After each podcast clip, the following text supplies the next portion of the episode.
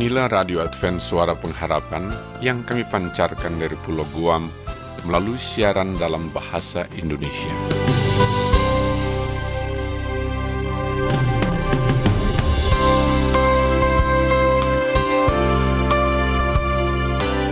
Salam sejahtera kami ucapkan kepada pendengar setia kami di mana pun Anda berada. Selamat berjumpa kembali dengan kami, Radio Advent Suara Pengharapan. Dengan senang hati kami akan menemani Anda dengan rangkaian acara yang telah kami persiapkan khusus bagi Anda sekeluarga. Harapan kami, semoga siaran ini dapat bermanfaat dan menjadi berkat bagi Anda semua.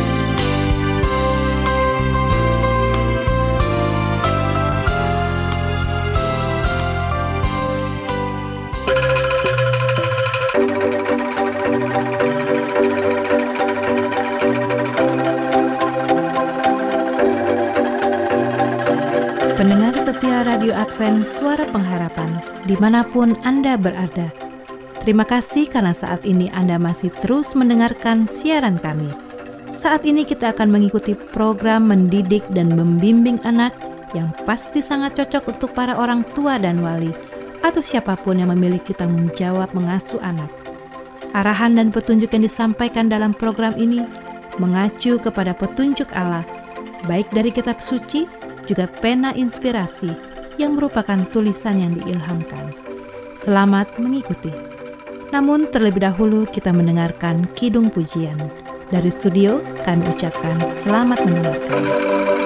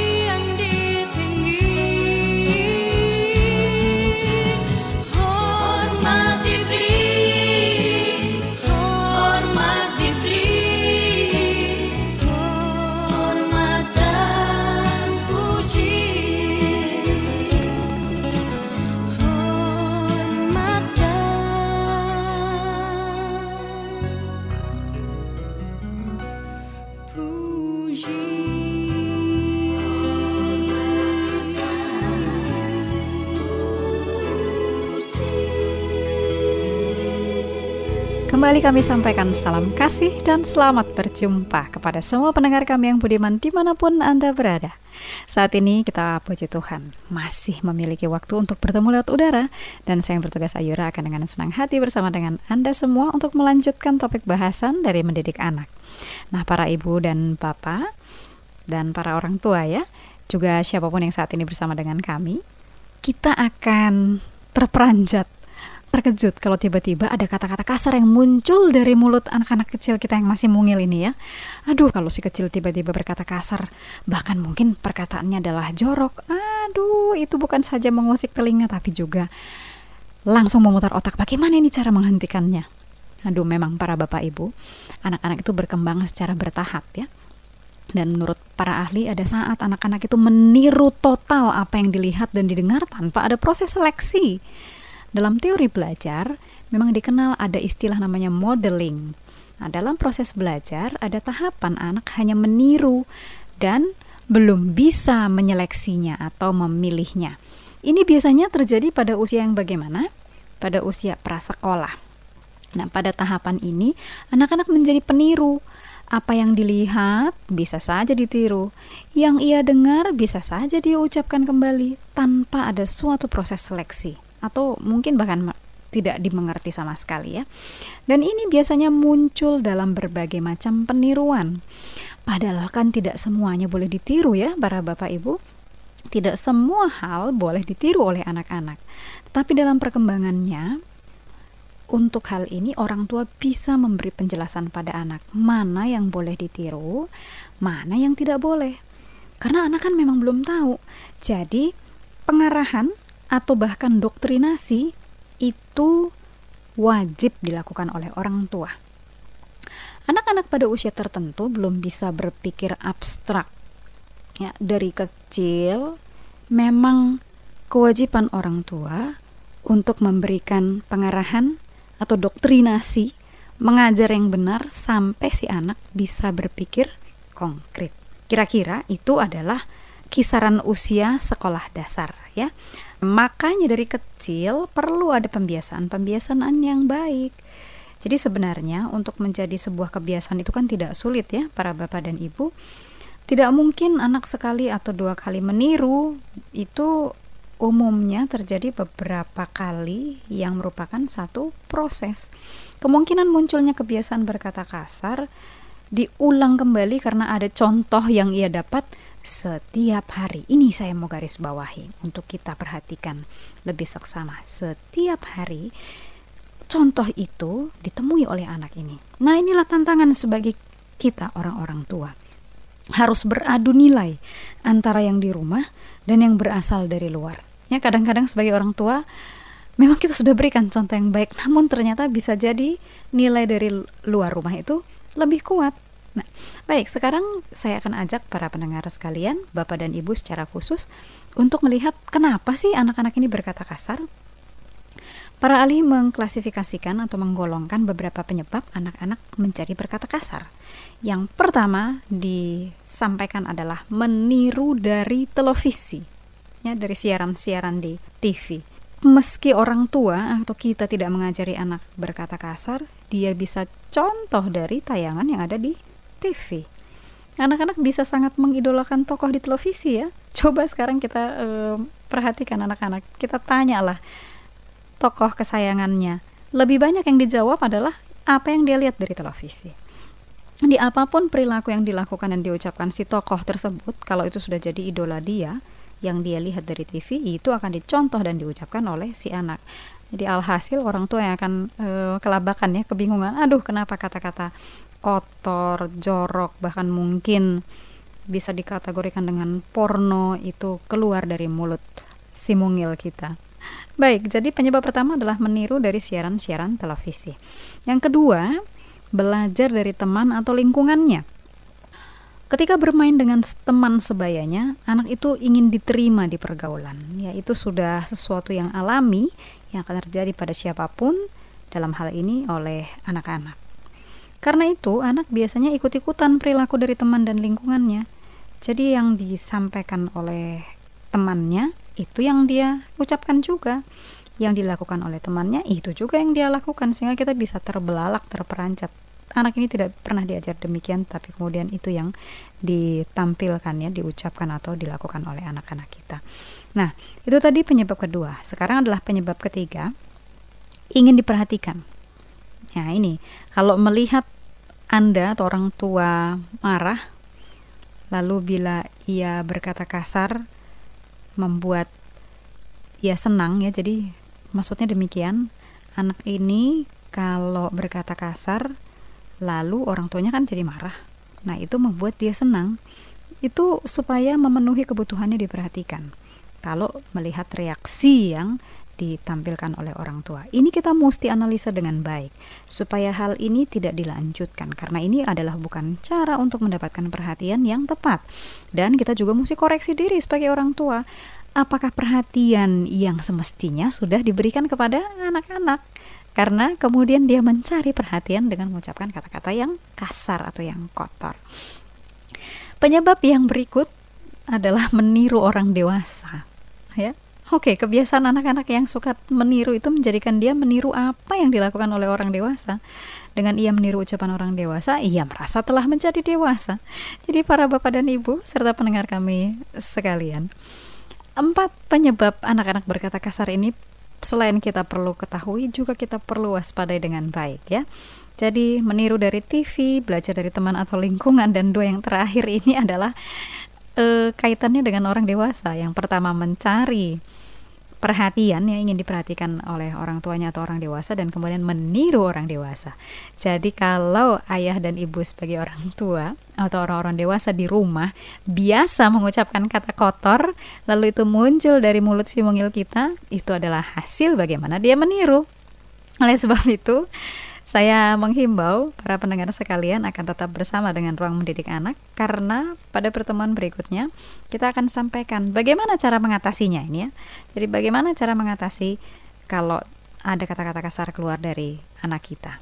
Karena bukan hanya dari pihak anak saja ya yang harus diperbaiki, um, orang dewasa juga karena orang dewasa uh, sering ditiru oleh anak-anak tanpa dia harus menseleksi. Baik, untuk perjumpaan kita kali ini kita cukupkan sekian lebih dahulu karena waktu juga yang batasi kita. Terima kasih untuk perhatian Anda.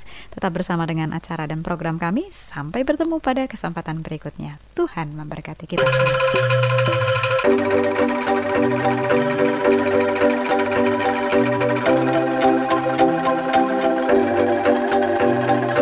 Pendengar setia Radio Advent Suara Pengharapan Demikianlah program mendidik dan membimbing anak yang baru saja kami persembahkan bagi Anda.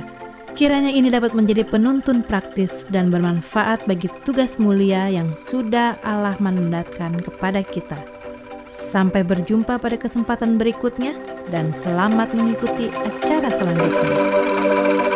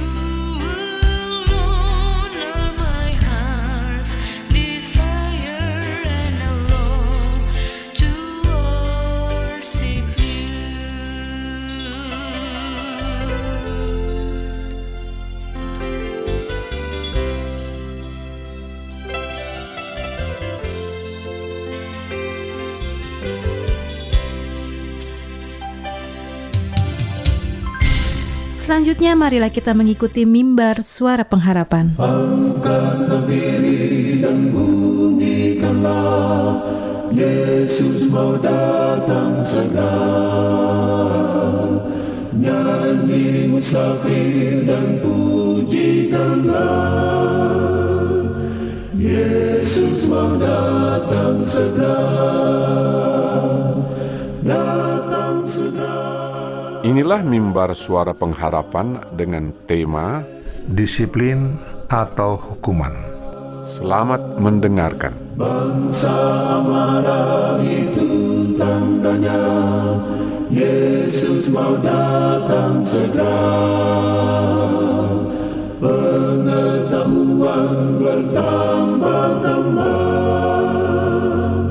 Yesus mau datang segera Datang segera Datang segera Yesus mau datang segera Salam saudaraku yang diberkati Tuhan. Kita bersyukur diberikan kesempatan untuk mendengarkan sabda Tuhan dalam acara Mimbar Suara Pengharapan bersama saya Pendeta Togar Simanjuntak dengan judul Disiplin atau Hukuman. Ya, saudara-saudara, kadangkala kita sebagai orang tua memberikan disiplin kepada anak kita seperti memberikan hukuman. Hukuman yang sangat berat. Seolah-olah anak itu sudah melakukan kesalahan yang sangat fatal. Nah, ini harus kita pelajari. Disiplin itu adalah mendidik anak itu supaya lebih baik, lebih mengerti akan kesalahannya, dan lebih mengerti akan makna apa disiplin itu bagi dia. Tapi kalau hukuman itu hanya sebagai satu pelampiasan atas kesalahan, menunjukkan bahwa anak itu salah dan belum tentu ada unsur perbaikan atau didikan ke depannya. Tapi kalau disiplin itu adalah merupakan satu didikan ya untuk mendidikan nanti lebih baik. Dalam Ibrani 12 ayat 5 sampai 6 katakan, "Hai anakku, janganlah anggap enteng didikan Tuhan dan janganlah putus asa bila engkau diperingatkannya dan ia menyesal orang diakunya sebagai anak." Ini satu nasihat yang luar biasa. Jadi Tuhan memberikan bagi kita pada anak-anak supaya jangan enteng pendidikan orang tua. Ya, pendidikan orang Tuhan dan jangan putus asa. Datang pada Tuhan. Kalau Tuhan memerintahkan, menasihati, mendidik, itu pasti hal yang sangat baik dan itu diberikan melalui orang tua. Saudaraku, ini adalah satu statement dari orang tua kepada anaknya. Ayah akan memukulmu hingga mata terbenam. Orang tua yang marah itu berteriak pada anaknya yang dianyai, yang mungkin melakukan kesalahan. Hukuman bermaksud melukai, melukai karena telah menimbulkan luka. Bila anak berkelakuan tidak pantas, kita mendisiplin. Disiplin mengkoreksi dan mengajar. Ya, dia koreksi lalu memberikan pelajaran. Tetapi kalau hukuman itu mau sangat melukai dan menghancurkan si anak. Dan itu akan membuat anak itu jadi jadi rasa rendah diri merasa tidak punya perasaan, tidak punya kenyamanan. Ada seorang bapak tinggal di rumah kami. Ia adalah seorang yang kurang luas dengan wajah gembira, suatu sisi dan wajah sedih di sisi lainnya. Jadi seperti double personality. Sebagai sebuah objek yang ternetral, Pak, Pak katakan Pak X ini menerapkan koreksi dengan tujuan untuk menarik perhatian si anak dan mengkaitkan kesalahan dengan kepedihan. Saudaraku dikatakan Jangan pernah mendisiplin seorang anak bila Anda sedang bereaksi secara emosional dalam memarah terhadap kata-kata atau tingkah laku si anak. Jadi kalau Anda misalnya anak-anak itu sudah sangat lewat lalu Anda marah, hilang kontrol lalu emosi, pada saat itu jangan pernah sekali-sekali Anda itu mengadakan disiplin ataupun membuat hukuman kepada anak. Jangan, saudaraku. Itu akan jadi bias dan Anda tidak akan bisa mengontrol diri Anda nanti. Kalau Anda dalam keadaan emosi, maka yang terjadi adalah hukuman Anda berikan. Dan itu tidak akan bisa terkontrol. Tapi kalau Anda dalam keadaan masih bisa tenang, walaupun marah tapi bisa tenang, maka yang terjadi bisa dilakukan adalah disiplin yang membangun anak tersebut. Bila orang tua menghukum karena marah, maka anaknya belajar bagaimana supaya tidak menimbulkan marah orang tua. Tidak belajar bagaimana memperbaiki diri ke depannya, tidak belajar bagaimana jangan mengulang kembali kesalahannya. Lalu menegur, pertama-tama untuk disiplin dipakai teguran. Pandangan untuk perkataan menegur mengarahkan kembali tingkah laku atau perkataan salah ke respon yang, yang benar. Teguran memberikan kesempatan kepada anak untuk melakukan koreksi. Semua merasa malu karena kesalahan dilakukannya muncul. Jadi teguran Tuhan, anak itu juga mau perbaiki dirinya, saudaraku. Dia mau pelajari. Dia mau pelajari dirinya supaya lebih baik ke depannya. Tapi sering orang tua menganggap anak itu sembrono, tidak tahu diri, atau merusak suasana. Jadi lalu tegur memberikan kesempatan melakukan itu untuk melakukan koreksi dirinya, ya. Karena juga punya rasa malu, saudaraku. Makanya jangan sembarang menegur anak depan orang banyak, ya. Karena dia rasa malu, dia akan malu. Jangan permalukan dia, saudaraku. Tapi kalau anda menegur dia, dia panggil dia. Biarlah saudara menegur secara pribadi, ya.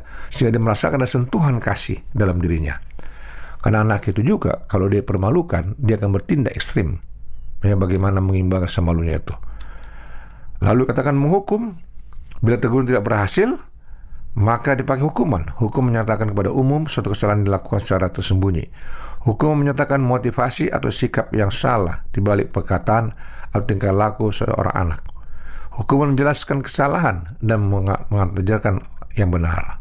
Nah, sini saudaraku, kalau Anda berbicara menegur tidak bisa salah lagi, tingkatkan boleh menghukum. Tapi dalam hal hukuman ini, janganlah dengan emosi.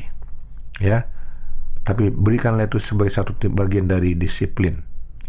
Nah, dengan disiplin itu dia akan merasakan bahwa memang betul ini saya lakukan dan saya berhak.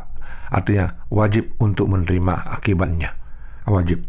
Lalu menghajar Disiplin cara jasmani seperti memukul, pantat, isolasi, melarang pergi, pencabutan hak istimewa, dan menerapkan konsekuensi yang ditetapkan sebelum diperlukan. Bila teguran dan hukuman gagal untuk seseorang bertobat, meskipun puluhan puluhan pukulan kepada secara berterbatas dan terkendali dapat diterapkan cara berhasil pada anak yang lebih kecil. Itu tidak dapat diterapkan dengan efektif pada anak-anak dengan usia di atas 6 tahun atau 7 tahun. Hasil tidak baik diperoleh dengan memberikan lebih banyak uh, alasan setiap pencabutan hak istimewa tersebut. Disiplin secara sejasmani diterapkan dengan tu tujuan sekedar melukai ya anak untuk mengatakan semangat adalah aniaya. Jadi lupa disiplin Anda secara ajikannya secara jasmani aja jika sekedar melukai anak itu ataupun sekedar melepaskan rasa kecewaan kita sebagai orang tua atas tingkah lakunya itu maka katakan saudaraku akan merusak dan matahkan semangatnya Hati-hati. Jadi hati-hati saudara, jangan sampai merusak atau mematahkan semangatnya. Karena itu kalau saudara memberikan hukuman. Jadi hukuman itu nanti ya tadi Anda merencana mendisiplin karena Anda memberikan dalam keadaan emosi jadi meningkatlah itu statusnya hukuman. Hukuman yang lebih parah lagi, Anda tidak mau peduli keadaan dia pada saat dia keluar dari rumah. Nah, jadi saudaraku, disiplin atau hukuman dua-dua ini sebenarnya cukup baik dilakukan. Tapi hukuman menerapkan pada itu supaya dia bisa mandiri dan tidak perlu menunggu ada uh, uang lagu apa namanya nggak perlu menunggu dia tuh bagaimana supaya anak itu bisa bertobat berubah. Tidak perlu selaku. Tapi anda ajak dia bagaimana memberikan disiplin yang baik mengenalkan kesalahannya bagaimana memperbaiki dirinya bagaimana dia mau dekat pada anda. Kalau anak masih mau dekat kepada anda kita bersyukur saudaraku berarti dia masih mengenal siapa orang tuanya, masih merasakan orang tua sebagai pelindungnya. Nah, saudara, jika Anda saat ini merasa butuh didoakan atau perlu menyampaikan suatu pertanyaan, hubungi kami di tim pelayan member suara pengharapan. Dengan penuh sukacita kami akan selalu berdoa dan melayan Anda. Salam saudaraku, Tuhan berkati, dan harapan kita bersama.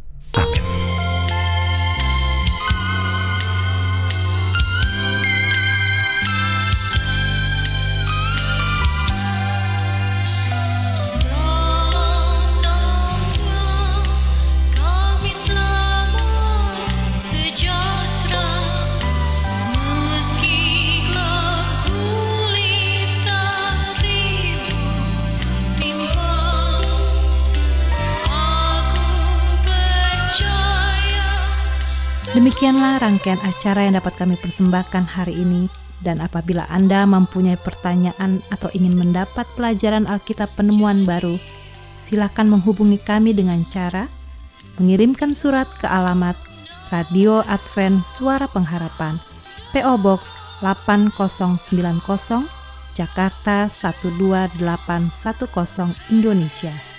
Telepon 0821 1061 1595.